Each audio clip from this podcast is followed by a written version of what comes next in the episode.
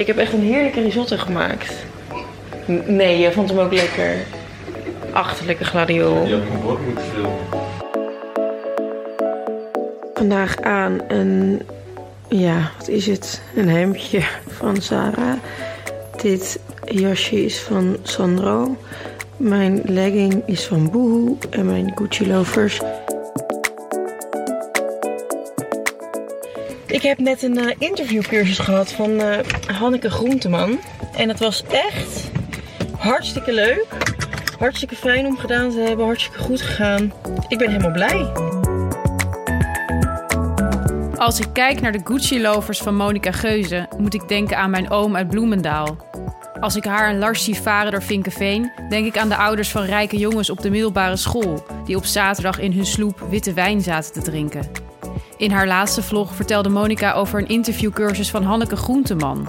Hanneke Groenteman, naar wie mijn ouders altijd zaten te kijken op zondagmiddag. Wat is hier aan de hand? Wil Monica ineens bij de culturele elite horen? Of is Monica zelf de nieuwe elite? Je luistert naar de Monica Geuze fanpodcast en dit is alweer de zevende aflevering. En vandaag is de gast Sander Schimmelpenning. Hallo. Goedemorgen, hallo. En eh, we hebben jou uitgenodigd om te praten over elite.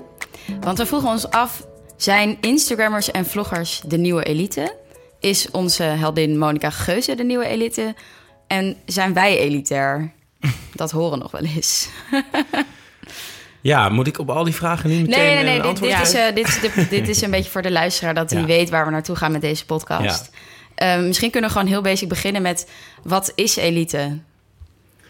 Nou ja, er zijn heel veel verschillende elites natuurlijk. In Nederland heb je, denk ik, de politieke elite. Je hebt de eh, culturele elite, daar horen jullie denk ik wel een beetje toe. Eh, en je hebt de economische elite. En de economische elite is een beetje de verborgen elite... die niet zo vaak in beeld komt, waar niet zo vaak over wordt gesproken. Eh, maar die ik natuurlijk vanuit mijn werk bij Quote veel zie. Ook veel heb gezien aan de Zuidas, waar ik advocaat ben geweest. En eh, daar hebben wij een boek over geschreven, over die onzichtbare, maar best wel grote elite van de economische elite. En eigenlijk bedoelen we dan iedereen met een vermogen van minimaal een miljoen.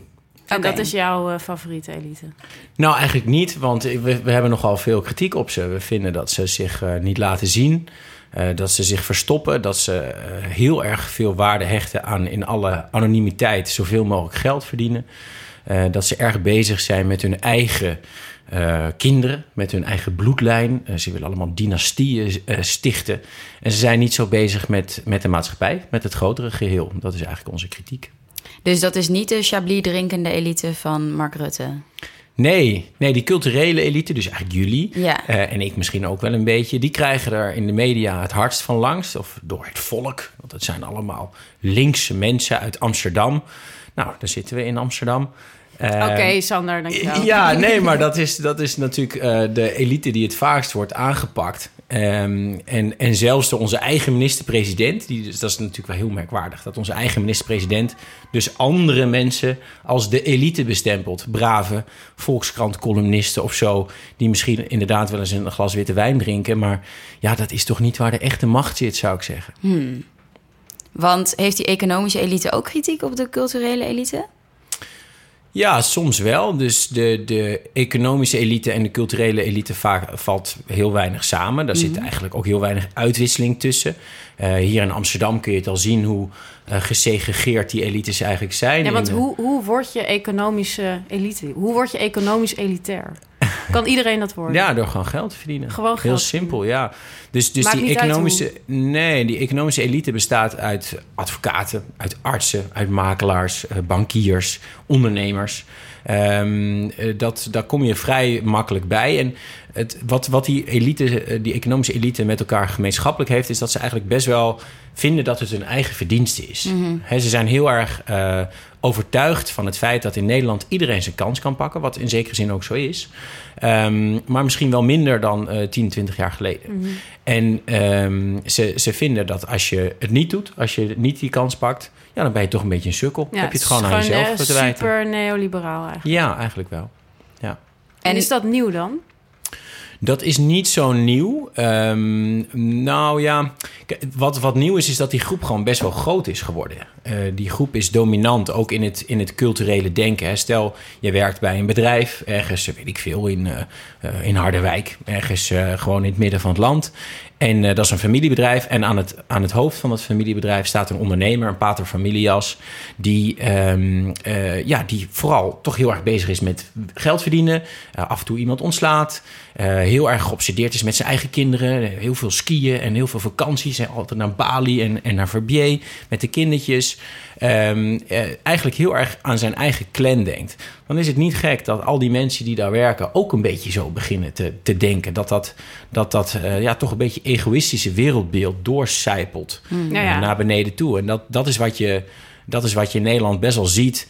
Eh, en dat, dat vind ik ook een, een van de verklaringen waarom dus bijvoorbeeld eh, ja, rechtse partijen op dit moment zo populair zijn bij mensen die eigenlijk economisch gezien niks te winnen hebben van rechtse partijen. Ja, ja, dus een soort van ei- eigen kinderen en eigen vakantie eerst. Ja, eigenlijk wel. En dan- Precies, dat is een goed motto voor die groep. Ja, eigen kinderen en eigen vakantie Nou, eerst. bij deze. Ja. En vinden, vindt die economische elite, eh, noemt hij zichzelf elitair?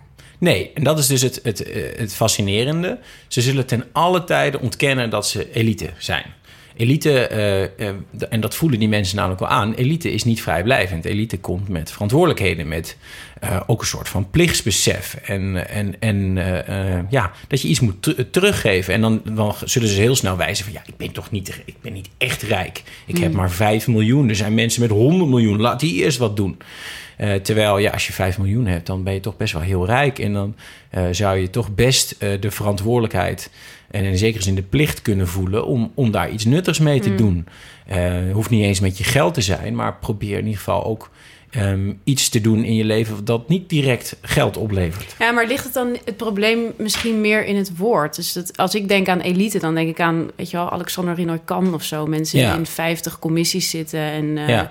en hoogleraar zijn. de- de en politieke en elite. als ik nu hoor wat jij beschrijft, denk ik, ja, dit, zijn, dit zou ik nouveau riche noemen. Ja, ja. Dit vind ik zeg maar PC Hoofdstraat chic. Ja, ja nee, dus, dus, dus qua invloed eh, zou je kunnen zeggen, zijn ze niet zo heel groot. Hè, als je gewoon kijkt naar politieke invloed of maatschappelijke invloed.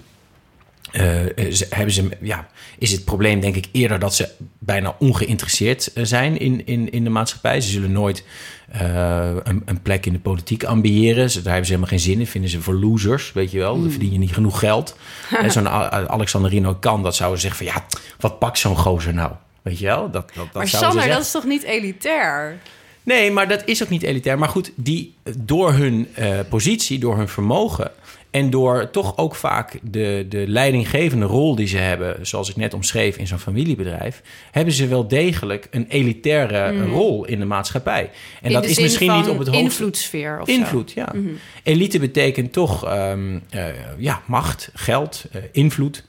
En dat heeft deze groep wel degelijk. En ehm, deze groep is vooral veel groter dan die andere groepen, die, die elite worden genoemd. En daarom zou je ook de meeste winst kunnen halen bij die groep. Ja, ik, ik las het boek eh, The Game van Alessandro Barrico. Ja, Supergoed boek. Kan het iedereen aanraden. Echt heel erg interessant. Opvolger van eh, De Barbaren. Ik heb dat niet gelezen, maar dat schijnt ook echt helemaal fenomenaal te zijn.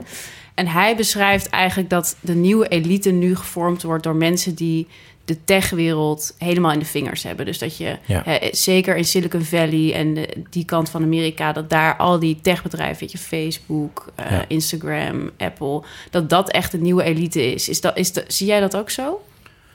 Ja, in zekere zin wel. Ehm, de, de, het internet heeft natuurlijk een bijzondere werking, namelijk dat het monopolisten creëert. Hè? Winner takes it all. En ehm, dat zorgt ervoor dat dus degene met het meeste geld, of het ja, vaak eigenlijk toch wel degene met het meeste geld en niet per se het beste idee, wint. En eh, als je kijkt naar de oprichters van de grote start-ups die het heel goed doen, dan valt mij op dat dat dus helemaal niet jongens van de straat zijn. Hè. Sowieso is het dus ehm, eh, voor, voor de, de captains of industry van de toekomst is het belangrijk dat ze heel slim zijn. Dat was vroeger natuurlijk helemaal niet zo. De hele quote 500 staat vol met best wel domme kerels, laten we eerlijk zijn. Ehm, en ehm, die, die zijn dus niet alleen heel slim, maar zijn vaak ook Harvard educated. Hè? Zuckerberg is gewoon een verwend mannetje. Ja. En, en die, eh, die gozer van Snapchat, weet je, een Spiegel of zo. Ook volgens mij. Eh, dus dus de, ehm, de kans om, om zo'n enorm bedrijf op te zetten en, en dat heel groot te laten worden, ehm, ja, die, die is toch het grootst als je Harvard-educated bent en uit een goed nest Ja, komt. ja, maar dat is eigenlijk gek toch? Want dat, dat is dan wel een beetje in tegenspraak met dat idee van hè, meritocratie demo- of eh, democratisering, ja. neoliberale wereld. Dus het idee van iedereen kan worden wat hij wil als je maar hard genoeg werkt. Dat spreekt Precies. dat dan eigenlijk een beetje tegen als zo'n Ja. Zuckerberg eigenlijk al... eh, Ja, Doet toch Nou ook ja. een beetje denken aan dat boek van Malcolm Gladwell, Out- Outliers. Daarin laat hij ook zien dat Bill Gates gewoon, hij was op het juiste moment, had hele rijke ouders. Hij, daardoor was, had hij heel veel computers ter beschikking. Hij was bij de eerste computer ter wereld op de universiteit waar hij werkte. ja. En hij beschrijft gewoon van die loopbanen waarin je ziet, ja, dat is helemaal niet iemand die niet IQ self-made. plus... Nee. Nee, precies. Dus bij quote vinden we het begrip self-made altijd heel belangrijk. Van heb je het zelf gedaan? Ehm, eh, da- en, da- en dat, ik bedoel, daarom vind ik quote heel leuk. Daarom schrijf ik voor quote. Omdat dat superleuke verhalen zijn. Dat zijn verhalen van sociale stijging. Dat zijn verhalen van eh, ja, bijzonder doorzettingsvermogen, bijzondere talenten. En je zou hopen dat naarmate de tijd vordert, zo zijn wij ook al in onze generatie opgegroeid, dat het eigenlijk alleen maar beter zou worden. Dat de kansengelijkheid steeds groter zou worden. Ehm, dat is gewoon niet meer zo. Dus, Ja. dus, de, dus die meritocratische generatie, de generatie die na de Tweede Wereldoorlog zijn kans heeft gepakt, self-made is geworden, die is eigenlijk toch weer, ehm, misschien niet eens bewust, de poorten achter zich aan het dichtdoen. Eh, hun kinderen die gaan met veel geld naar allerlei dure Gewoon uit angst om sociaal weer te vallen. Om weer te vallen. Grappig. Precies. Oh, ik moet denken aan eh, die Forbes-lijst van 30 under 30 eh, self-made miljonairs of biljonairs of whatever, rijke mensen. Ja. En daar stond Kylie Jenner vorig jaar ook op drie of zo. Ja, En er was heel veel kritiek Ja. op. Van, ja, hoezo self-made? Weet je, Ja. ze is geboren in een, in een, eh, in, in een soort media-imperium. Ja. Weet je wel? Ze- Mhm. Haar hele leven is een reality show geweest. Ja. Maar aan de andere kant vond ik dat je wel kon zeggen... ja goed, ze is geboren in die, in Ja. die setting, weet je wel... van 21ste eeuw, technologie, altijd camera's op je gericht. En ik bedoel, ze heeft wel haar eigen spinner aangegeven met haar... eh, Whatever, ze heeft geloof ik een haarlijn en een Make-up lijn. Ehm, en daar wel er eh rijkelijke slaatje uitgeslagen. Ja. Dus is dat, wa- wat is dan nog self-made?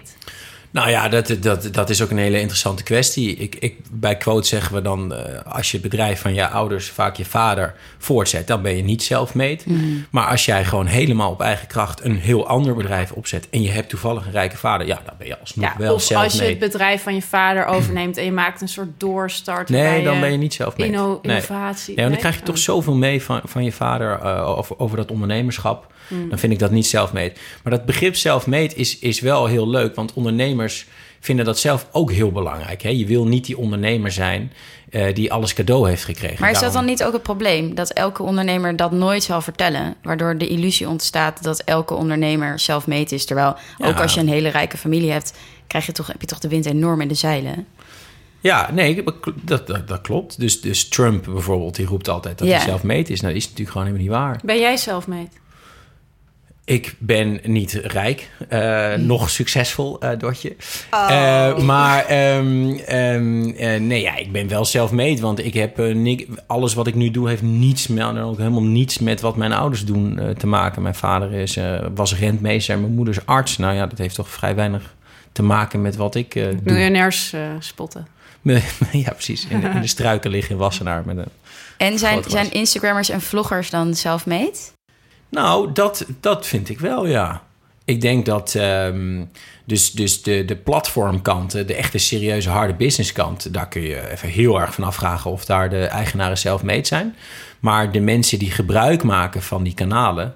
ja, dat vind ik wel self-made. Ik bedoel, eh, nou ja, jullie grote idool Monica is denk ik toch wel behoorlijk self-made. Die is eh, helemaal self-made, Die, die heeft dat toch helemaal zelf verzonnen Ja. van... dat kan ik misschien wel en is gaan experimenteren. Nee, en dat vind ik wel interessant aan die generatie. Want er is gewoon... Nou, oké, behalve misschien Kylie Jenner met Chris Jenner... die dan al veel eh, reality had Ja. gedaan. Maar van die hele generatie... eh, Monica Geuze, Anna Nushin of eh Negin... weet je, die, Ja. die, hebben, die hebben geen ouders gehad... die al vlogger waren of zo. Nee. Weet je? Die hebben dat wel echt zelf... dat medium naar hun hand gezet... Ja. Eh, dat zelf uitgevonden, ook bijna, weet je, zeker zo'n Anna Nushin... of ook op een bepaalde manier van het wiel uitgevonden... van oké, hoe ga ik hier geld mee verdienen? ja. En dat, ik vind dat ook wel tof. Ik vind het heel tof. Ja, nee, dat zijn. eh, Ik heb eh, echt wel respect. eh, Heb voor je al die- vloggers in de, Ja, schrijven jullie erover? in de quote? We schrijven er wel over. Ze, ze redden het nog niet qua vermogen om in bijvoorbeeld onze selfmade-lijst eh, terecht te komen. De ondergrens is 10 miljoen. Dat redden ze nog net Ah, niet. Dan moet je toch vaak een Anna, schaalbaar... dat Wat kan je wel Anna redden. Nushin? Weet jij dat? Nou, die komt denk ik inmiddels wel in de buurt. Maar kijk, het is Ah. niet schaalbaar, hè? Kijk, Anna die verdient alleen geld met Anna zijn. Mhm. En hey, gisteren of eergisteren hadden we Quote Talks, een eh, sprekersevenement. En daar was Manon van Essen. Ik weet niet of jullie haar kennen. Zij heeft Majoni eh bloemkoolpizza's. Oh. Heeft zij verkocht net aan een groot Duits bedrijf. Vet. En eh, ja, kijk, die heeft in twee jaar gewoon een bedrijf opgezet en verkocht. Ja, die, die redt En dat die wel. is 10 miljoen dan? Die heeft dat wel, ja. Zo. Ja, ja, Eh, Monica met haar sieradenlijn is daar dan ook mee Ja. bezig. Daar moet je het dus mee Ja, nou, echt indrukwekkend verhaal. Ik weet nog dat ze bij mij kwam in de voethal. Ik had toen een pizzatent. Toen kwam ze aanzetten met haar bloemkool. Ik zei, joh, bloemkoolpizza, wie gaat het nou eten? Dat is vies, man. Nou, ze heeft nu 10 miljoen en ik niks. Ja, dus als Anna Nushin een, eh, een, een merk opzet en een product... Dan, dan wordt het pas echt, gaat het echt over geld. Ja, je moet, je moet een schaalbaar product hebben. Anders eh, word je nooit echt, nou ja, eh, quote 500 rijk. Is Ja. daarom die uh, Negin zo groot? Ja, heeft hij een schaalbaar product? Hij heeft een haarolie. Oh ja, nou dat, ik denk dat. eh, nou ja, het is zo grappig. Bij haar is het natuurlijk zo dat haar vriendje, eh, haar, zijn, zijn baan, die zat geloof ik braaf aan de, aan de Zuidas Ja, ergens vakken Stibbe, te vullen. toch hij? Ja, Stibbe. Hij zat Wie, niet bij wie is Stibbe. Negin? Even voor de luisteraar en voor mij ook. Negan Eh, Mersalei. Geen ja, dat is idee. echt Nou, dat ongeveer- hoor je toch te weten Ja, als je de Monica Ja, ja. podcast. Ja, Ik val licht echt geschokt, ja, maar dat eigenlijk- sorry. Het is echt een van de eerste Nederlandse grootste. influencers. Zij is daarmee begonnen, denk ik echt nou, heel vroeg, echt in 2012 of zo. En, Ja. en wat doet ze? Vlogt ze zichzelf? Classic, Eh, classic gewoon- influencer. Gewoon Instagram, mooie, Body, knappe foto's, super lekker wijf. En Ja, ze ze is ja, echt heel knap. En eh, zij heeft nu volgens mij 5 miljoen volgers. Ze vliegt de hele wereld over. En ja, haar, ze is heel groot. haar vriend werkt volgens mij bij Pricewaterhouse. PwC, ja, Ja. volgens mij. En die Ah. heeft zijn baan opgezegd om haar te gaan Te maken. managen. Insta-husband te worden. Super nou ja, verhaal. Ze kennen elkaar Insta-husband sinds- deluxe, zeg Ja, maar, ja. ja. Volgens mij kennen ze elkaar sinds hun vijftiende uit Almere. eh, waren ze al een stelletje. En, eh, en ja, ze, ze vliegen dus nu de hele wereld over. Ik volg ze ook, moet ik eerlijk bekennen. Ik vind het wel Ja, dat is grappig. toch Het zo, dat is wel gewoon, eh, dat is gewoon echt de American Dream. Ja. Gewoon, maar dan weer helemaal eh, hoe het hoort. Ehm, ja, we, we raakten er al even aan eh, dat wij dus zelf elitair zijn... omdat we bij die culturele elite horen, Zegt Sander. zegt Sander. Nou, nee, ik vind jullie helemaal niet zo elitair. Ik, ik vind dus dat, dat die culturele elite wordt eh, overrated qua elite zijn. Dat- Ja, wat, ja. heb je- wat hebben jullie nou voor invloed? Ja, dat is gewoon zeg Alleen, maar, alleen op elkaar. media. Nee, ja. Nee, nee, het is heel lief dat je dat denkt, maar dat valt natuurlijk reuze mee. Ja. Nou, de culturele elite die, die werkt voor de media. Dat heeft dan misschien nog een soort van... wel steeds minder grote impact. Wat is Ja. culturele elite? Ja, wat is culturele elite? Ehm, nou ja, dat zijn, dat zijn toch voornamelijk de mensen in de grote steden die, die boeken lezen, die bepaalde media consumeren, die nadenken over onderwerpen eh, waar, waar andere mensen niet zo over nadenken. Hoe heet ze, die eh, SP-voorvrouw Lilian Marijnissen, die zei ooit eh, met die gele hesjes in het achterhoofd van ja, de elite is bezig met het einde van de wereld. Eh, en en de, de gemiddelde man is, eh, hè, de, de gewone man is bezig met het einde van, de, maand. Ja. Nou ja, dat vind ik een mooie definitie ook waarom een elite nodig Ah, ja. is. Maar de economische elite is toch ook bezig met het einde van de wereld? Met van die Nee, bunkers? Nee, Vlieg nee, lekker nee. naar Bali. Nee, nee. Maar die zijn toch bezig met, met hun bunkers veiligstellen voor het geval de apocalypse ja, bunkers? ja En- dus eh, op een egoïstische manier. Ja, in Ja. Amerika, daar hebben mensen echt zo bunkers Oh, echt? voor. Ja. Ja, als de apocalypse... zo. Ja. Ja. Oh. Ja, ja, ja. die techmiljonairs Ja, dat is weer, hè? allemaal... Eigen, eigen bunker eerst. Eigen ja. bunker. Precies, nee, precies. Dus die zijn wel bezig met het einde van de wereld, maar meer als Voor zichzelf. voor zichzelf. Ja, net zoals rijken bezig zijn met hun eigen veiligheid. Hekken, hekken, hekken. Oh, onveilig. Ik sta in de quote 500. Oeh, je brengt mijn eh, veiligheid in gevaar. Ehm, het gaat alleen maar over de eigen veiligheid. Ja, ik vind het interessant met het woord elite dat, dat niemand erbij wil horen, maar stiekem ook wel. Zo van als, je, als het NRC een stuk schrijft met eh, de nieuwe elite drinkt havermelk en leest eh, luistert podcast, dan staat echt mijn hele tijdlijn daarmee vol. Ja. Maar niemand wil zeggen ik ben elitair. Nee. Nou, ik wel hoor. Jij zegt gewoon ik ben elitair. Ik ben heel elitair. Oké. En jij door? Ja, ik denk dat ik daar niet echt aan ontkom. Ja, ja. Ook als het gaat om kansen en zo die ik heb gehad. Dat vooral. denk ik, ik denk dat ik echt wel een voorsprong heb gehad. En dat, dat heb ik me eigenlijk steeds meer gerealiseerd de laatste tijd. Bijvoorbeeld dat ik stage kon lopen, weet je wel, dat soort dingen. Dat je Mm. ouders dan zeggen van, joh, dan betalen wij wel even de huur. Ja. Dat zijn natuurlijk voor heel veel mensen is dat heel, heel eh, ondenkbaar. Terwijl ik alleen maar zat te janken omdat mijn stage zo zwaar was, weet je wel. Maar nu ben ik blij dat ik hem gelopen heb. Dat, dat zijn wel van die voorsprongen die je krijgt... waar, waar je op dat moment eigenlijk niet zo bij stilstaat. Of bijvoorbeeld dat ik in Amsterdam woon, weet je. is heel, heel suf om te zeggen, denk ik. Maar het is gewoon toch anders dan als je in Doetinchem bent geboren. Ja, en je hebt ook wel op de zo- elitairste middelbare school van Nederland Ja, gezeten. nou, ook. Ja. Maar eh, waar, waar jij zaten ook. jullie, waar zaten jullie op school? Barlees. Och, jongens. hebben elkaar zes jaar gepest. Dus het maakt het nog een beetje moeilijk voor elkaar. Maar, ehm nou ja, voor mij dan ook, weet je, dat ik gewoon dichtbij, eh dichtbij de media woonde meteen waar ik voor wilde werken. Weet je, dat zijn gewoon van die kleine dingen, denk ik, die. Maar ja, aan de andere kant was het ook wel, merkte ik ook wel zeker toen ik dan bij NRC rondliep, dat er heel erg werd neergekeken van, ik, ik bijvoorbeeld dat ik op Bar, ik, ik twijfel nu nog om te zeggen dat ik op Barlees gezeten, omdat het zo meteen zo van, oh, nou, daar heb je er weer een hoor. Ja, ik, ik ben de hele dag Even bezig met, het mijn geld, even met het geld van de ouders, eh, even op cultuurtripje bij NRC. Weet je, dat gevoel krijg je een beetje. Of ik merk enerzijds van je hebt echt die voorsprong en, ik, en veel meer dan, dan, eh, dan de andere kant. Maar er is ook een soort ja, dédain of zo waarmee daar Ja, op ja, wordt nee. gereageerd. Ja, ik vind het heel Heb lastig. jij dat, niet, Sander? Ik bedoel, jij bent graaf. Ja, nee, eh, natuurlijk. Ik, ik, ik ben opgegroeid in een klein dorpje waar ik eh, de- eh, toch in zekere zin de enige kakker van het dorp was. Eh, wat een vrij eenzaam bestaan is, kan ik je vertellen. Ik zie jou nu voor Nee, me zo van als kind met een wandelstok. Ja, ja. Liep ik met een, met een pijp en een, en een Ja, spaniel door mijn, door mijn Met, bos. met een monocle. Ja, ja, ja, ja, dat was heel, heel tragisch. Ja.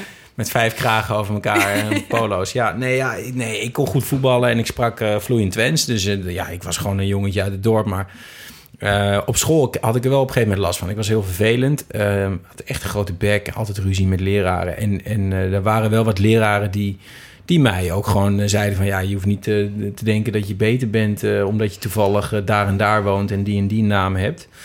Ehm, terwijl, ja, voor mij had dat helemaal niks mee te maken. Ik vond die leraren gewoon eh, eh, eikels. Ehm, dus toen, ja, dan, dan merk je wel dat sommige mensen daar meer waarde aan hechten dan jij zelf. En ook nu merk ik wel eens op Twitter, weet ik veel, dan wordt ook over mij gezegd van ja, die, die jongen die zit er alleen maar omdat hij eh, een goede naam heeft. Nou, ja, dat is natuurlijk belachelijk, eh, eh, ja, belachelijk Ja. verwijt in de journalistiek. Zit helemaal niet in mensen van adel of zo. Nee, maar en sowieso, als je ergens wil profiteren van je achtergrond, ga je toch niet in de journalistiek Nee, werken? dan moet ik aan de Zuidas, had ik aan de Zuidas moeten blijven. Ja. Waar het misschien ook, ja, daar werkt het ook niet meer zo hoor. Maar nou ja, goed, dat vinden misschien sommige mensen denken dan bij mijn achternaam, dat zal wel goed zijn. Maar nee, ik, ik, ik herken dat wel. Maar aan de andere kant, weet je, er staan ook gewoon wel heel veel voordelen tegenover. En eh, eh, vooral in die kansengelijkheid. eh hebben wij denk ik, nou ja, ik ken, ik ken jou minder, jou dan een beetje naar jouw verhaal van net. hebben wij gewoon meer kansen gehad dan andere mensen. Zo simpel is het. Ja, wat ik lastig vind is dus in het verhullen dat je onderdeel bent van de elite of dat je een voorsprong hebt, ehm, maken we ook sociale mobiliteit minder makkelijk voor anderen of zo. Ja, Ehm, hou je dan niet precies. mensen dom? Ja, maar wat, wat jij nu aansnijdt is een heel belangrijk eh, punt. Dus dat sommige dingen die met goede bedoelingen worden gedaan... Mhm. eh, democratisering van onderwijs, hè, de, alles, alles toegankelijk maken... dat dat soms een tegenovergesteld effect kan hebben. Hè, dus ik heb wel eens op televisie gezegd dat het studentenkoor... dat dat alleen voor WO-studenten zou moeten zijn. Want eh, juist door toegankelijk te maken voor ook HBO-studenten... eh, leerlingen... Ehm, eh, ma- maak, je het, eh, maak je het zo breed toegankelijk dat het dus eigenlijk te weinig exclusief is. En dan krijg je dat, dat mensen zich langs andere lijnen gaan selecteren. Dus het koor is veel meer dan 30 jaar geleden, is een, een, een clubje mensen met rijke ouders. Niet zozeer slimme, ambitieuze mensen, maar mensen met rijke ouders. Dus dan, ehm, dan, dan gaan mensen zich langs andere lijnen selecteren. En ook in het onderwijs gebeurt dat. Door, door de nivellering, door alles eigenlijk steeds ja, toegankelijker, makkelijker te maken. Zie je dat het privéonderwijs enorm in opkomst is. Dus dan gaat het ook gewoon weer om geld. Ja, Dus, dus als je dingen eh, alsmaar minder exclusief maakt, dan, eh, dan, dan ontstaat er een nieuw mechanisme om exclusiviteit te creëren. Ja. En dat gaat Ja. helaas vaak met geld. Ja, en dat, En dat is, wil je niet. Ja, dat is grappig, hè? Want dat zie je volgens mij zowel in die culturele elite als in die, eh, economische elite, wat jij dan noemt. En ik zou dat ook wel misschien de vlogger-elite willen noemen. Ehm, dat je inderdaad hè, met, met culturele elite wordt er ook heel erg hè, die havermelk-elite bedoeld. Dus die dan, eh, we- weet je, ervoor kiest om een pak havermelk te kopen van 3 euro in plaats van een pak gewoon Campina van 1 Ja. euro. Omdat je dat kan veroorloven en omdat je je graag wil identificeren aan de hand van je Ja, En wil bijdragen aan-. Ja, aan- weet je wel, beter milieu Ja. en zo. Maar ik bedoel, kom op. Het heeft ook te maken met je eigen identiteit en met eh, het gevoel van goed zijn, goed bezig zijn. Hmm. En als je dan kijkt naar meer, zeg maar, die vlogger-elite, daar zie je ook heel veel onderscheiden door, door geld en keuze, consumptiekeuzes. Maar dan is het veel meer helemaal naar Van Dam rijden om daar een broodje filet américain te halen en weer terug naar Vinkveen, weet je wel? Of eh, weet je wel, zo'n schaal sushi bestellen. Ja. Nou ja, maar de vlogwereld is natuurlijk wel echt klassiek nieuw geldgedrag. Ja. Ja. Dat is gewoon consumptie. Daar is verder eh, de mensen die wij eh, nu net noemden, hè, Negin eh, en, en ook onze eigen Monica. Ja, die zie je zelden natuurlijk een, een, een foto posten dat ze een of ander boek zitten lezen.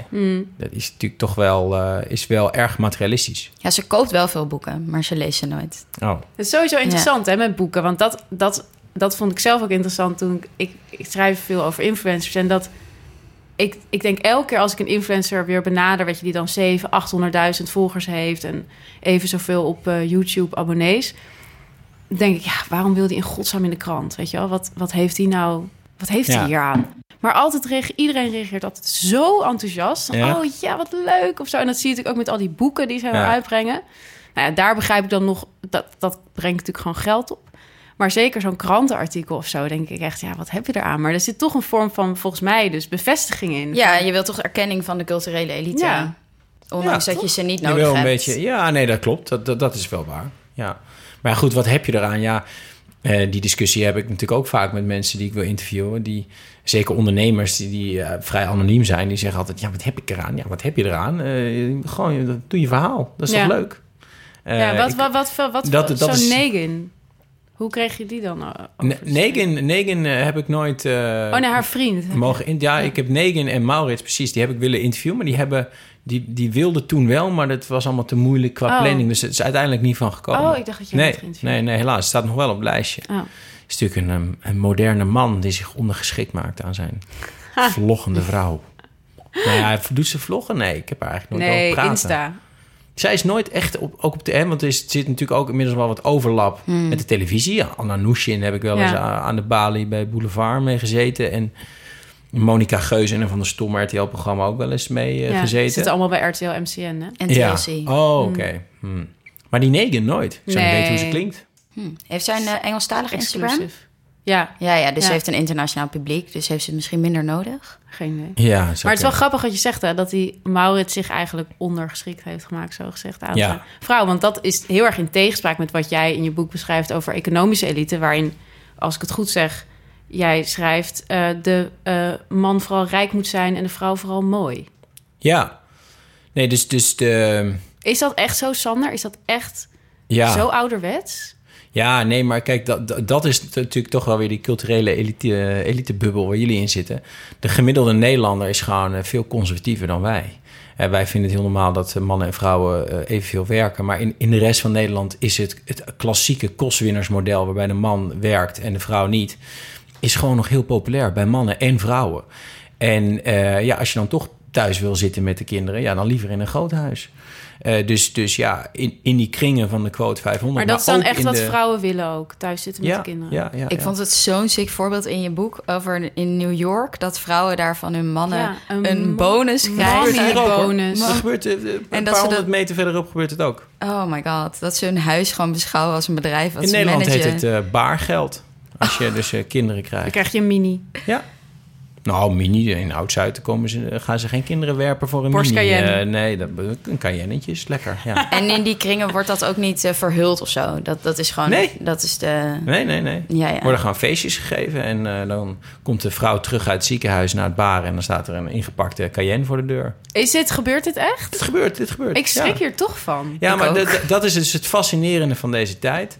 Dat de culturele breuklijnen gewoon in deze stad... Je zou, ik, ik- Ja. je zou eigenlijk gewoon als experiment... zou je met een, met een paar krijtjes... eh, zou je gewoon eh, grenzen moeten gaan trekken in wijken van ja, hier, hier wonen die mensen, hier wonen deze Waar, mensen. waar woont de economische elite in Amsterdam? Zuid. Nou, Oud-Zuid. Ja. Ja. ja, niet op de grachtengordel. Nou, ook, ja, ook. Ook. En, en ook wel versnipperd hier. In Ja, ja. straat wonen er ook wel een paar, denk ik. Maar het is... Het is eh, ik Lig ben jij daar keer... dan in de, in de voortuin? Ja, leg ik het maar. ja, ja. Nou, er is geen voortuin in mijn straat, maar... Nee, maar ik, ik, ben, ik ben daar ook altijd weer door geschokt. Ik, ik kom uit een eh, best wel ja, geëmancipeerd nest. Mijn moeder werkte altijd. En ook aan de Zuidas, waar ik heb gewerkt als advocaat... waren toch zeker de helft van de vrouwen die daar werkten als advocaat... vaak de betere advocaten... eh, die hadden eh, toch geen enkele moeite om eerlijk toe te geven... dat zij uiteindelijk met kinderen thuis wilden zitten. Echt waar? Ja. Ja. ja, dat verzin ik echt niet. Nee. Dus dat, dat, je, het is heel, heel makkelijk om te denken dat de rest van Nederland zo is als jij, maar dat is gewoon niet zo. En het is ook eh, verwendheid Ja, in Nederland. en eigenlijk is het dan ook, stom van mij dat ik daar dan toch teleurgesteld over ben. Want ik bedoel, wat de fuck, als vrouwen dat willen, moeten ze dat gelijk Ja. zelf willen. Dat maar willen ze dat zo. zelf of is dat omdat ze dat van huis uit meegekregen hebben? Dat dat Ja, wat is de vrije wil? Ja, wat is de Ja, vrije oh, wil? sorry. Ja.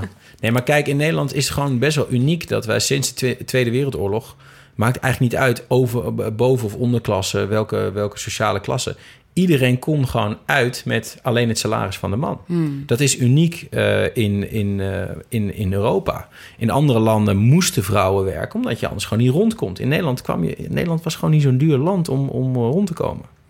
En is dat nog steeds zo dan? Nou, dat is minder aan het worden. Zeker in Amsterdam. Ja, als jij hier met een jong gezin wil wonen, dan, eh, dan moet je als man wel heel veel binnenbrengen om een fatsoenlijk huis te kunnen eh, betalen.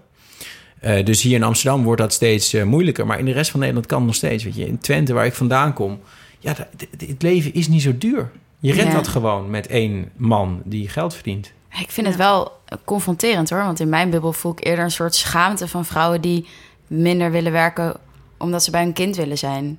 Dat ze zich Oh, dat, daar dan zo. heb je, nou, maar dat is, geloof me, dat is een heel klein Oh, dat is een heel klein bubbeltje. Ja. Oké. ik Want was zou- vorige week was ik in Volendam voor een televisieprogramma wat ik maak over familiebedrijven. Bij een eh, Quote 500 familie afvalverwerkers. En Volendam is natuurlijk ook wel heel eh, totaal andere wereld dan hier. Hmm. Eh, maar daar zat ik aan tafel met vijf vrouwen van mijn leeftijd, 34, 35. Die hadden allemaal minimaal drie kinderen, waarvan de oudste vaak al 10, 11 jaar was. Dus die waren op hun 4, 25ste eh, moeder geworden. En geen van hen werkte. Niet één. En eh, ze keken mij echt aan van, ja, maar hè, wa- waarom... eh, ik zei van, maar willen jullie dan niet werken? En hebben jullie wel een opleiding gehad? Ja, ja, maar waarom zou ik werken? Het is toch het mooiste dat er is om je eigen kinderen te zien opgroeien? Ja. Ja, ja, wat moet je dan zeggen? Ja, als zij dat vinden, dan vinden ze dat. Ja. De- die, ja. mentaliteit is gewoon dominant in Nederland. Mm. Dat is gewoon nog steeds de cultuur. Ja, geinig. Hè? Ik, ik maak een eh, documentaire nu over kinderen met een eigen YouTube-kanaal. En daar, het Ja. grappige is dat je daar ziet dat die... En ik bedoel, dat is ook allemaal hè, buiten de ring. Ja. eh, dat die moeders allemaal heel goede managers worden van hun eigen kinderen. Dus Ja. eigenlijk vinden ze wel weer een baan in het moederschap of zo. Want hun mannen werken. Ja, Oké. ja, ja. Wat, wat voor werk doen die mannen? In de ja, breed. Zijn dat rijke mensen? Verschilt. Alleen, verschilt. Maar zijn dat, zijn dat rijke mensen of zijn het... verschilt. Oh, oké. Het is een Ja, hele een heel diverse groep. Oh, oké, sorry. Zeker, zeker voor de Ja. publieke omroep. Oké. Hey, maar wat ik grappig vind aan die... ehm, aan eigenlijk dan die vloggers, hè? Want dan heb je dus eh, eh, meiden die dan we- wel een eigen onderneming starten. Maar wat ik er soms lastig aan vind, is dat het altijd wel weer heel erg gaat over vrouw zijn. Eh, Ja, zo zie ik Monica dus echt niet. Nee, maar ik ook misschien niet. ben ik te veel fan. Want ik, ik vind haar ook niet per se eh stereotyp vrouwelijk. Nee. Ze heeft echt heel veel scheid aan... eh, nou ja, een soort beschaafd vrouwelijk te zijn of zo. ja. Ehm, ik Nee, vind ook kijk, niet waar- dat ze waar- alleen waar haar lichaam... Mannen, waar mannen bezig zijn of, of eh, ja, bewondering hebben voor andere mannen... zit dat niet zozeer in hun persoonlijkheid, Nee. maar in wat ze doen. Hè, of iemand eh, goed kan voetballen, of iemand eh, een Ja, ja. briljant boek schrijft... of iemand eh gaaf politicus is. Hè. Baudet, er zijn ook heel veel mensen gewoon echt fan van die man... Mhm. om wat hij zegt en zo. Is het bij, bij vrouwen, is, zit die fascinatie toch meer in wie, wie dat mens is... Ja. En niet zozeer wat ze doet. En ook een soort voorbeeld, denk ik. Ja. Ook wel. En vrouwen zijn natuurlijk, hè, vrouwen kunnen ook elkaar heel erg opnaaien van eh je moet ook zo zijn of whatever. Ja. Dat, dat zit natuurlijk heel erg in dat, in dat, nou, daar hebben we het vorige keer ook over gehad, in dat influencerschap. Ja. Maar ik vind dat soms wel ingewikkeld, dat het lijkt alsof de enige manier om dan, hè, inder- inderdaad in die economische elite, om dan er bovenuit te stijgen als vrouw, of tenminste dan op, op, op die manier in die nieuwe media, is om een soort van je eigen vrouwelijkheid te exploiteren. En dan een make-up lijn te beginnen. Ja, Ja. Nou ja, het, je, kan, je, kan als vrouw toch echt gewoon ook een bedrijfje beginnen en heel rijk worden. Of een hele goede advocaat Ja, ja, een worden. bloem- Dat kan Hoeveel, allemaal, ja. vrouwen in de self-made lijst staan er? Nou, er staan er wel een paar in, maar eigenlijk eh, zijn dat dus voornamelijk modellen. Hè? Douds. Kroes en Lara Stone en zo. nou, Eh, is ook een baan hoor. Dat is ook een baan, model zijn. Nee, tuurlijk. Maar Ja, goed, maar het is dus wel wel weer om het uiterlijk. Ja, Ja, ja, oké, het is ja. natuurlijk niet eh, dat Duitse Kroes eh, dat, daar had gestaan als ze niet zo Ja. knap was geweest. Ehm, er staan er maar twee in waarvan je zou kunnen zeggen dat is echt met een bedrijf. Dus, eh, nou ja, nee, eigenlijk maar één, Nicky Plessen. Oh ja. Ah, ja. Eh, die, die, eh, die was natuurlijk een soapsterretje, maar die heeft toch wel gewoon een keihard eh, modebedrijf opgezet. Doet het onwijs goed. En, en Manon van Essen zijn we, hebben we over het hoofd gezien, of onderschat. Mhm. Maar die hoort er dus eigenlijk ook in. ja. Want was zij eerst blogger of zo? Met haar pizza? Of zij was alleen Nee. bezig met die bloemkool Nee, nee, zij is gewoon Oh. echt een rouwdouwer. zij Oh, heeft eh, op de 21ste al een eh, softwarebedrijfje verkocht. Eh, nee, dat is gewoon echt een ondernemer. Vet. Nou, misschien Ja. moeten we haar ook een keer uitnodigen. Ja, goed Klinkt idee. heel interessant. Moet je doen. Ja. echt, een, echt een breker. Hey, maar, en, en wat je ook beschrijft is dat eigenlijk die economische elite of mensen op de Zuidas eigenlijk eh, vooral kijken ook zelf naar vloggers. En, eh, Ja. en jij, jij hebt het dan over Bas Smit. Ja. Wie is Bas Smit? ja, Bas Smit is een beetje de Monica Geuze voor eh, jonge mannen in Amsterdam. Eh, en ook wel daarbuiten. Bas Smit, ja, ik vind Bas ik Smit... kende is een- hem niet. Ja, Bas Smit is Ja, een de- fenomeen. De man van eh, Nicolette van Dam, toch? Ja, Oh, ja. Ja. precies. Hij is, ehm, het grappige van hem is, hij was eigenlijk een influencer avant la lettre ja, aan het begin van deze eeuw. Want toen ik studeerde in Rotterdam, 2003-2004, had hij een website www.stinkendrijk.nl. Nou, fouter wordt het niet.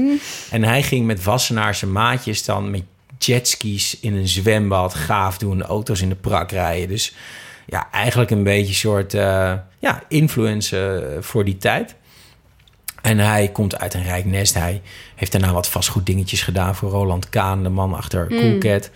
Ehm, en eh, volgens mij is hij nu gewoon fulltime eh, ja, influencer. Dus hij, ja, hij heeft een soort luxe leventje met zijn mooie vrouw en zijn lieve kindertjes. En hij heeft allemaal een soort BN'er-vrienden. En hij post regelmatig hele ja, domme filmpjes waar mensen keihard vallen of tegen een lamp aanlopen. God. of, ja, echt gewoon eh, eh, America's Funniest Home Video niveau. Eh, en daar doet hij dan en van die is met Nicolette van Dam. Ja, die is met Nicolette Ah, van Dam. Dat lijkt me altijd wel een hele leuke Ja, vrouw. nou, maar die, ik, Bas Smit is ook niet zo eh, vervelend. eh, of. Het is gewoon een, best een, volgens mij een handige, handige gozer. Hij is heel joviaal. Wassenaar, een gezellig. eh, ja, gewoon een gozer voor in de kroeg. Lekker op de boot. Ja, gewoon lekker, lekker een beetje proleterig. Ehm, maar die, die, die weet dus met zijn, eh, met zijn eh, grapjes en, en, en lifestyle... dus een enorme achterban te creëren. En hij heeft een soort ideaal leven. Niemand weet eigenlijk wat hij doet. Niemand weet wat hij doet. Hoe hij geld verdient. Hij zegt eh, zelf, eh, als je wil dat ik iets doe voor jou op Instagram... dan moet je 25.000 euro betalen. Hij heeft, zijn e-mailadres is 25k basmit.nl. Oh, Dit moeten wij ook doen voor de Monica-podcast. Ja. Enig Ja. high. Het is gewoon heel simpel. Maakt niet uit wat je van me wil. 25k, dan gaan we praten. Nou, en dat doen dus mensen. En, en hij heeft ook wel weer het hart op de goede plaats. Want hij, eh, hij heeft dan allerlei eh, samenwerking. Hij had, het- had een t-shirt gemaakt met zijn eigen kop erop. Nou, ik zou zeggen... Hij heeft dus ook wel gevoel voor nou? of zo. Of voor 25k per stuk. Nou, volgens mij zijn daar echt tienduizenden van verkocht. En er zijn er echt heel veel van verkocht. En dan Ja. gaat dat allemaal wel weer braaf naar het Prinses eh, Maxima ziekenhuis. Dus het is ook wel weer...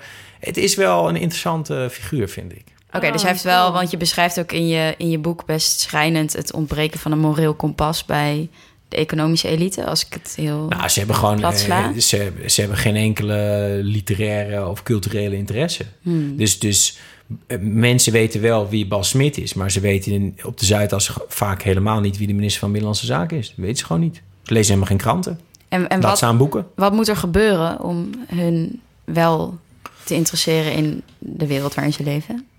Nou, de, de- ja, Een de- ramp. een ramp. Een oorlog. Nou, gelukkig, die komt eraan. Dus. Nou, maar dat, dat, dat is in zekere zin is dat wel natuurlijk... eh, is dat zo? Hè? We zijn zo opgegroeid in vrede en veiligheid... Mm. en alles vanzelfsprekend. Ja, waarom zou je druk maken over een of andere dreiging... als je ook druk kan maken over Bas Smit? Ja, dat is veel Ja. leuker. Ehm, maar nee, er, zit natuurlijk wel wat mis in de, in de opleidingen die hoogopgeleide mensen volgen. En zeker daar aan de Zuidas, die economische opleiding. Daar zit, daar zit, uh, ja, dat gaat over spreadsheets, dat gaat over winstmaximalisatie. Dat is heel eendimensionaal um, uh, curriculum eigenlijk. Dus er zit heel weinig sociaals in. De bedrijfskunde, economie zijn in zekere zin ook gewoon echt sociale wetenschappen. Dat is geen harde wetenschap. Hmm. Dus daar moet ook veel meer je rol uh, in de maatschappij aan bod komen in die opleidingen. Dat komt veel te weinig. Nou ja, en dat, en dat, dat laat zich zien um, in, in, uh, in de interesses van de mensen die opleidingen volgen. Ja, en het, is de, en het is inderdaad, dan vind ik het inderdaad ook wel goed te verklaren waarom mensen het dan ook soort van heerlijk vinden om te luisteren naar iemand als Thierry Baudet. Ja. Die ook dingen zegt van ja, maar vrouwen willen gewoon lekker thuis zitten. Ja, nou, maar daar, ik, ik, ik ben het bijna nooit eens met Thierry Baudet. Maar daar zegt hij niet zo heel veel raars, ben ik bang. Voor die groep mensen? Nou, dat, dat de meerderheid, hij zei, hij zei het wat versimpeld, maar de, de, de realiteit is dat de meerderheid van de Nederlandse vrouwen uh, haar ambities niet heeft uh, in haar carrière. Hmm. Ja. Tenminste, als je gewoon. Nee, maar kijk, kijk heel simpel naar, uh, naar het cijfer, wat ik echt verbijsterend vind. Tweederde van de Nederlandse vrouwen begint meteen na het afronden van ja. hun opleiding met parttime werk. Dus zonder man, ja. zonder kinderen, hè, uit eigen wil zegt tweederde van de Nederlandse vrouwen: ik ga niet fulltime werken.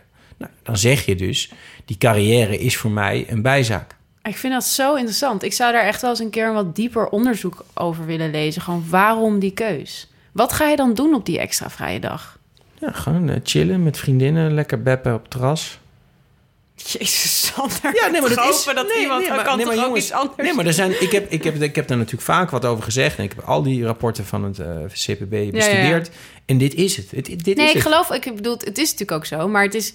Aan de andere kant vind ik het gewoon zo ik, ik, ik kan daar zelf gewoon zo niet bij. Dat die, nee. dat die keuze zo consequent wordt gemaakt. En ook inderdaad, als je gewoon 25 bent, dat je denkt: ja, waarom zou ik, waarom zou ik vijf dagen gaan werken als ook vier dagen kan werken? Het heeft zoiets.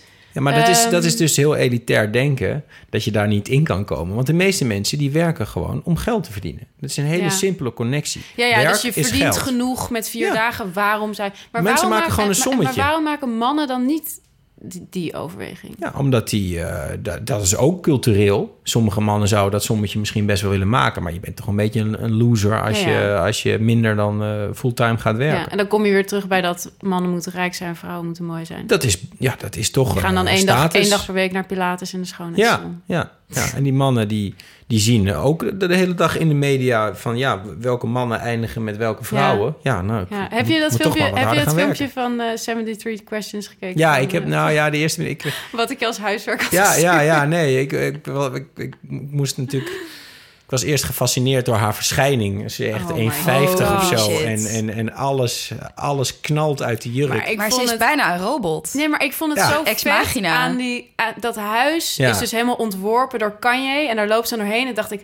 Ja, maar jij bent ook een soort van helemaal ontworpen door Kanye. Ja. Ja. Weet je, het is gewoon één grote... Ja, eh, een soort van enhanced mens en een Ja. soort onmogelijk huis, ook met die kranen. Die, Super. Ja, dat was op eh, Twitter. ja. Waren mensen echt dagenlang bezig om uit te zoeken waar het water van hun kraan heen ging. Van Ja, die ja. Ze hebben zo'n grootsteen zonder gat. Ja, ja, nou, ja, daar heeft ja. ze toen ook nog een apart filmpje van. eh, het gaat heel langzaam naar beneden. Dat heeft ze dan opgenomen. Ja, echt hilarisch. Maar goed, Ja. daarin vond ik het zo grappig dat ze zeggen... Dan vraagt die, ehm, die interviewer vraagt... Hoe wisten jullie van elkaar dat je de- de one was voor Ja. elkaar? En dan zegt zij, ja, toen ik eh, Kanye's fashion show zag. En dan zegt hij, toen ik een foto van haar zag met Paris Hilton. Een paparazzi-pik. En toen dacht ik, ja, dit past zo eigenlijk Ja, bij jou. dit- ja, dat is het. Dat is gewoon, ja. Hij was succesvol, zij was gewoon knap Lekker. met Paris Hilton ja. aan het winkelen. Ja, nee, ja, we, we doen ons best om beschaafd te worden, maar die biologie, eh, dat zit ons toch dwars af en toe. Ja. Ik ben echt met stomheid geslagen door al deze uitspraken. Ik weet gewoon even niet meer wat ik moet zeggen. Dit is zo buiten Ik heb, mijn ik, bubbel. heb, ik heb een paar hele concrete vragen. ja, dat is goed dat je me hebt ja, uitgenodigd. ja, het is, eh, ik, eh, ik, ik, vroeg me af, wat is nou nog elitair? Want ik, ik, eh, ik woon in een omgeving waar veel boten varen. En ik heb het idee en dat... mensen in gescheurde truien lopen. ja. En eh, ik heb het idee dat de boot... een soort van qua elite product een beetje failliet is. Ja, ja, dat denk ik ook. De boot. Ja, de boot. Want vroeger was het toch zo, weet je wel, van dan had je een boot. Weet je, dat was. Een jacht, ik weet nog dat ja. dan vrienden van mijn ouders hadden dan. Nee, zo op de gracht. Weet je wel, Oh, dat- ja. dat Boot is dan- ordinair Dat, dat nu. je dan, dan hadden mensen een boot. Weet je, dat was echt zo heel. En nu heb ik het gevoel dat iedereen op die mokenboot of whatever. En het is zoveel Oh, boot ja? op die gracht. Nee, boot is nog steeds wel een dingetje Oké, hoor, bij rijken. dus ik kan nog steeds een boot kopen en dan ben ik nog steeds. Ja, zo grappig. Ordinair is natuurlijk eigenlijk het tegenovergestelde van elitair. hè? Dat zijn natuurlijk de Ja. twee tegenstellingen. Ja, nee, ehm, Maar de economische elite is eigenlijk best ordinair. zeker. Ja. Ja. ja, dat wil je ook niet zijn. Maar dat zijn ze dan nog liever dan elitair. Maar Sander, ik vind die boten echt best wel ordinair. Nou, bo- boten zijn nog steeds een ding. Bij, bij, de, bij de zo'n superrijken... hossende jaarclub erop. Ja, nee, hier in de grachten. Maar dat, nu ben je wel weer bubbel Amsterdam. Eh, Nou ja, in Loosdrecht varen er wel Nee, mooie bootjes, boten. bootjes zijn onverminderd populair. En, en die superjachten zijn, eh, die worden gewoon lekker doorgebouwd Ja, maar hoor. populair is iets anders dan elitair natuurlijk. En, Dat is waar. en, en denk, denken deze economische elite ooit na over het klimaat of over de impact van hun consumptie? Nina, wat een saaie vraag. Ja, sorry. Ik Hier, kan gewoon niet anders. correspondent aan het woord. Nee, nee, daar denken ze niet over na. Interesseert ze geen, eh, geen bal. Geloven ze het ook niet? Ik denk dat ze het ergens wel geloven. Ik denk dat de meeste mensen die ook op bijvoorbeeld Thierry Baudet stemmen... het eigenlijk wel geloven. Mhm. Maar gewoon eh, meer geloven in hun eigen portemonnee. Ja, ja, zo van ik ben toch dood. Als Ja. het zover is. Na mij de Ja, zondvloed. liever te dik in de kist. Na, na mij de zondvloed. Dat is natuurlijk gewoon toch heel populair in Nederland. Hmm. Ehm, want eh, ja, we wonen toch onder zeeniveau. En we gaan er allemaal aan en boeien. En eh, ja, lekker leuk, lekker gezellig. Hop, kroeg in. Ah ja, oké. Toch een, eh, ook Ja. wel een levenshouding. Ik ga echt met een heel cynisch gevoel dit, dit gesprek uit. Echt? meteen. Oh, ja, nee, hoor. ik vind ook... Ja, nee, maar wat ik ook grappig vind, maar ik, ik hou gewoon ook van, van een soort van spullen of zo. Dus je ziet zoveel van die spullen in die, in die eh, vlogs van Monica Geuze ook. En dat vind ik dus zelf heel... Een voorbeeld dat nu echt elke vlogger loopt nu op Gucci-lovers. Nou, dat is echt Ja. zoiets waarvan ik echt Ja. dacht altijd... Gucci-lovers, weet je, dat is Ja. echt zo... Dat heeft... De, de, je oom heeft, weet je wel, je oom uit Wassenaar heeft Gucci-lovers aan. En nu is dat zo'n soort van gemeengoed onder vloggers geworden. Dat vind ik dan zo gek. Ja. Maar is dat niet toch altijd eh, dat een nieuwe, nieuwe rijke eigenlijk een beetje willen lijken op de oude rijken? Koloniseren van... eh, Ja, dat je gaat lijken op, je, op een rijke opa. Dat dat dan de mode wordt. zit, dat- dat- vind ik ook zo fascinerend Ja. aan, aan eh, mijn werk bij Quote. Het is zo leuk om de sociale stijging van een rijke te zien. Ja. Dus die begint hè, met een boot en met allerlei proleterige dingen. Ja, Eh, wisselt zijn eerste vrouw in voor een tweede die wat vaker de mond houdt. Eh, hè, dat, ah, gewoon, het is helemaal een stappenplan. Je kan het helemaal uittekenen. En op een gegeven moment worden ze wat ouder. Dan gaan ze, gaan ze even wat een beetje bezinnen. Dan is de, de struggle for life is er wel weer af. Dan willen ze toch graag ziek worden. Gaan ze een museum beginnen bijvoorbeeld. Of Zich een- verdiepen in een het eigen- klimaat. Of een eigen... Ja, precies. Dan eh, gaan ze zich druk maken over iets. Ja. Bijvoorbeeld fake nieuws. Oh ja. Heel veel miljonairs zijn op dit moment maken zich druk over fake nieuws. Oh, oké. Eh, ik denk, ja, wat, wat ga je En nou doen? Dan geef wat geld aan mij of aan Wordt de quote daar ook onder gerekend? Onder fake? Tuurlijk, wij Ja, doen alleen ja. maar fake nieuws. Ehm, en eh, nee, dus er zit wel een soort van ehm Ik zie nu een soort van volwassenheidsproces allemaal miljonairs vormen die bij zo'n soort, weet je wel, zo'n uitspanning in het gooi bij elkaar Ja. zitten en zo van, jongens, fake nieuws. Ja. Dat is echt een probleem. Ja, ja, nee, maar echt, dat vinden ze fantastisch. Maar dit, dit Ja. gebeurt, dit gebeurt serieus. De Porsche geparkeerd op het, Ja. eh, op het Nou, en het klimaat is niet zo populair in die groep. Want ja, eh, kijk, ondernemers willen zelf er iets aan doen. Mhm. Eh, die geloven niet in goede doelen. Die, geloven, hè, die gaan nooit even geld overmaken naar Greenpeace. Want dat zijn eh, boomknuffelaars en die hebben nog nooit een serieuze baan gehad. En die verspillen dat geld. Want die, dat zijn geen ondernemers. Dus zij moeten dat probleem oplossen. Ja, nou, En het klimaat, begin. nou, dat, dat is te groot. Dat is, dat is te abstract. Dat, dat, dat kan niet. Dus die willen graag... maar je kan toch je eigen keten Nee, op zijn Als je daar eenmaal aan begint, dan kan je, kan je geen steak meer bestellen op Nee, de golfclub. dat Dan kan je niet meer lekker naar Ja, maar aan de andere kant, de culturele elite, degene waar ze toch misschien ook zich aan willen spiegelen, die stoppen allemaal met vlees Nee, maar daar eten willen en met zich, havermelk. Ja. dus ze willen zich daar niet aan Nee, ze willen wel een zegelring, maar ze willen echt niet op vakantie naar eh, Duitsland, hoor. Nee, Oké. nee. Nee, nee, dus dat, vinden ze, dat vinden ze niet zo leuk. Zo zielig. Ja. Nee, maar je verwacht... eh, je, je- nee, maar goed, het boek is ook niet voor niets heel cynisch. Eh, Ja. Ik ben ook heel cynisch over die groep mensen.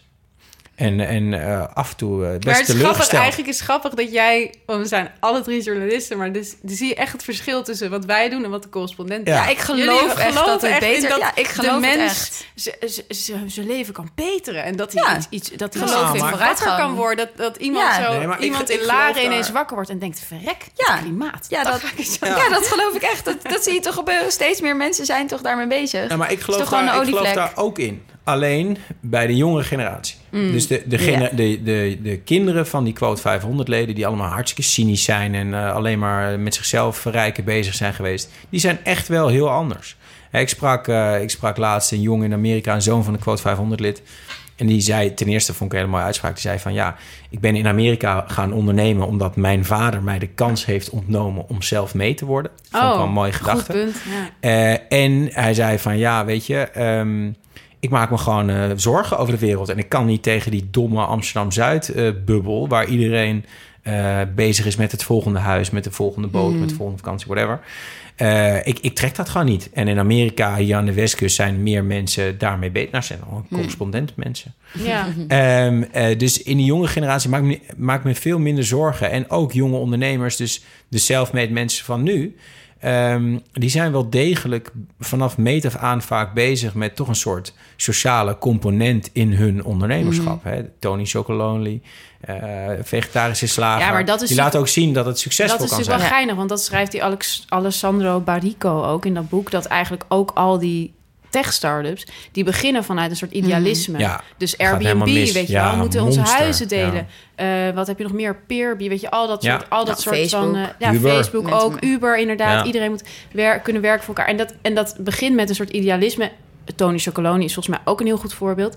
En dan Ja, groeit het, het uit tot een soort, toch tot een, tot een commercieel bedrijf, Ja. waarin uiteindelijk toch hè, dat idee, dat neoliberale idee van Ja. groei van groei, dat dat altijd Nou, gaat, pre- toch gaat Airbnb en- prevaleren boven dat ideologische idee waar ze ooit mee begonnen Nou, zijn. bij Airbnb en Uber durf ik wel te zeggen dat het van meet af aan nooit eh, idealistisch was. Die, die hele bedrijfsmodellen zijn gebaseerd op ehm, eigenlijk het, het uitwissen van belastingafdracht. Uber eh, eh, maakt, maakt mensen die voorheen vaste inkomens hadden, eh ZZP'er. En dat gaat gewoon om een dienst goedkoper maken door dat belastingdeel eruit te laten. Airbnb drijft natuurlijk op zwart geld. Ieder, niemand geeft dat aan, die inkomsten. Eh, dus dus dat, dat, dat idealisme heeft er nooit in gezeten. Jij haat Bij die- Airbnb, hè? Nee, helemaal niet. Het is een fa- fantastisch platform. Sturende vraag. Nee, eh, nee, ik haat het. Ik, Journalistieke truc. nee, maar ik, ik heb zelf een huis in Kroatië dat ik verhuur via Airbnb. Ik heb daar eh, eh, een oud pand gekocht dat helemaal naar de kloten was. En daar heb ik een mooie ding van gemaakt. En dat verhuur ik aan toeristen. Ja, ik Nou, heb het gezien, prima. Sander. Het ziet er heel goed uit. Nou, kom, dacht, een keer, kom een keer langs. Misschien kom ik wel eens langs. Maar Ja. ja, moet wel met het vliegtuig. Dat is wel even. Oh, je kan ook wel met de fiets. Duurt alleen wat langer. Ik, ik heb nog wel een vraag over de economische elite of mensen op de Zuidas. Ja. Hebben ze ook wel eens last van een zingevingscrisis? En wat gebeurt er dan? Ze hebben een heel sterk paradigma. Gewoon alles draait om meer geld, meer Ja. vakanties, een nieuwe vrouw, en weet ik veel. vrouwen. En wat als dat in elkaar klopt? Wat gebeurt er dan? Meer mannen, ja. Ehm, nee, de, die, die nee, precies. In onze generatie ehm, zijn natuurlijk eh, ook mensen die, die eigenlijk zijn begonnen met werken in dat oude denken. hè, Wat, wat natuurlijk die, oude, die generatie daarvoor had van promotie, eh, groter huis. Eh, maar die toch nu beginnen te twijfelen, is dat het wel? Er zijn natuurlijk ook veel mensen die gaan ondernemen of gaan ZZP, andere afslagen nemen, denk ik meer dan vroeger. Ook in mijn bubbel. Ehm, dus die komen in een crisis en dan is het wel grappig om te zien wat ze dan gaan doen. Dan zoeken ze het toch ook weer in een soort van ego-vorm van zingeving. Dus een yoga-retreat voor 5000 euro Ja, ja. op een berg in Italië. Nou, ben jij geweest. Ja, Ehm, begonnen door twee jongens uit uh, ja, jonge. ja, uit de ja. precies. Ehm, Die hadden 10 miljoen over. Die dachten, nou, wat zullen we doen? Yoga retreat. Ja, of ze, of ze gaan dan toch weer... eh, ja, een beetje dat volunteerism-achtige... dus vrijwilligerstoerisme gaan ze... Ja, een weekje ergens in Peru iets doen... Ja. eh, om, om zichzelf even goed te voelen. Het, het is En daarna weer terug gewoon En naar dan weer terug in Ja, hetzelfde ritme. Dus het is Ja. meer een snackje. Ah. Ja, precies. Maar Het dat is is, niet net zoals waar we het over En als er een burn-out ontstaat, dat je Oh. niet meer kan werken. Ja, maar dat is... eh, Of dat, gebeurt dat niet? Is dat alleen een culturele eliteprobleem? dat is een, eh, Is dat een ook- voornamelijk vrouwenprobleem natuurlijk. En ook een culturele eliteprobleem, denk ik, ja. Mensen die de luxe hebben om te Ja. stoppen met werken. Ja. Ja.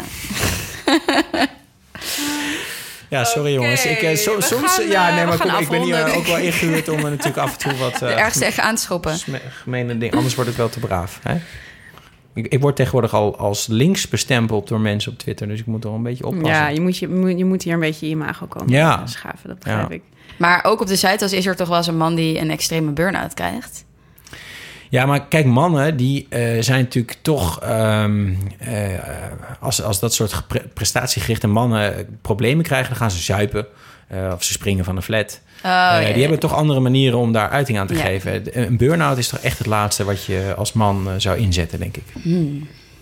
Jij ziet een burn-out iets als wat je inzet. Ik vind het wel Nee, nee, nee, nee, nee. Ik ben heel, ik ben heel cynisch. Hè. Ik, ik zeg dit niet omdat ik dit echt vind. Maar ik, ik, ik zeg dit omdat ik wel weet hoe die mensen denken. Ik en merk- die denken zo. Ik merk dat ik... Ik ben echt eh, 50 graden cynischer na dit gesprek. Ja.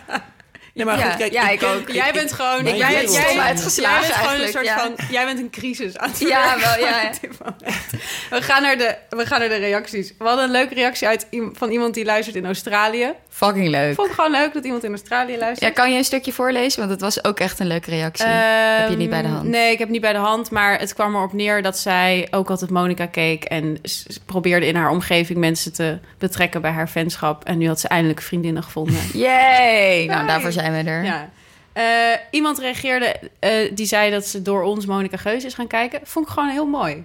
Vond ik een hele Ja. mooie, hele mooie beweging die daar is gemaakt. Dat je vanuit een podcast Monica Geuze gaat krijgen. En iemand reageerde, die zei dat ze wel uit ons vorige gesprek kon, op, kon opmaken dat ik, Lena, snel ga verliezen aan kinderen. Ja, ik, ik had gezegd, eh, soms weet ik niet wat ik met mijn tijd aan moet. En dan denk ik, nou, misschien moet ik maar kinderen nemen. Dan ligt het lot Ja. bij andere, in, in andere handen. Maar dat was wel een beetje een En grapje. hoe sta, hoe, hoe sta je daar nu in na dit gesprek? Eh, ja, ik, ik weet niet meer zo goed wie ik ben na dit gesprek. wat waarheid is, dus daar kom ik later op terug. Oké, de volgende keer weet Lena weer wie ze is. En dan... eh, Dan komt daar een bol. Gaan we het hebben ja. over seks. Ja, nou, leuk. Dat wordt sowieso... onderwerp. Ja, precies. ja. Kunnen we lekker links, links, eh zachtaardigheid. Like, subscribe, reageer, mail, stuur berichten, stuur Ja. post. We willen gewoon Al die reacties. dingen. Stuur Lena een, eh, een lief briefje, want volgens mij eh, kan ze Ja. dat gebruiken. Ja, dat lijkt me fijn. Tot de volgende keer. Doei. Doei.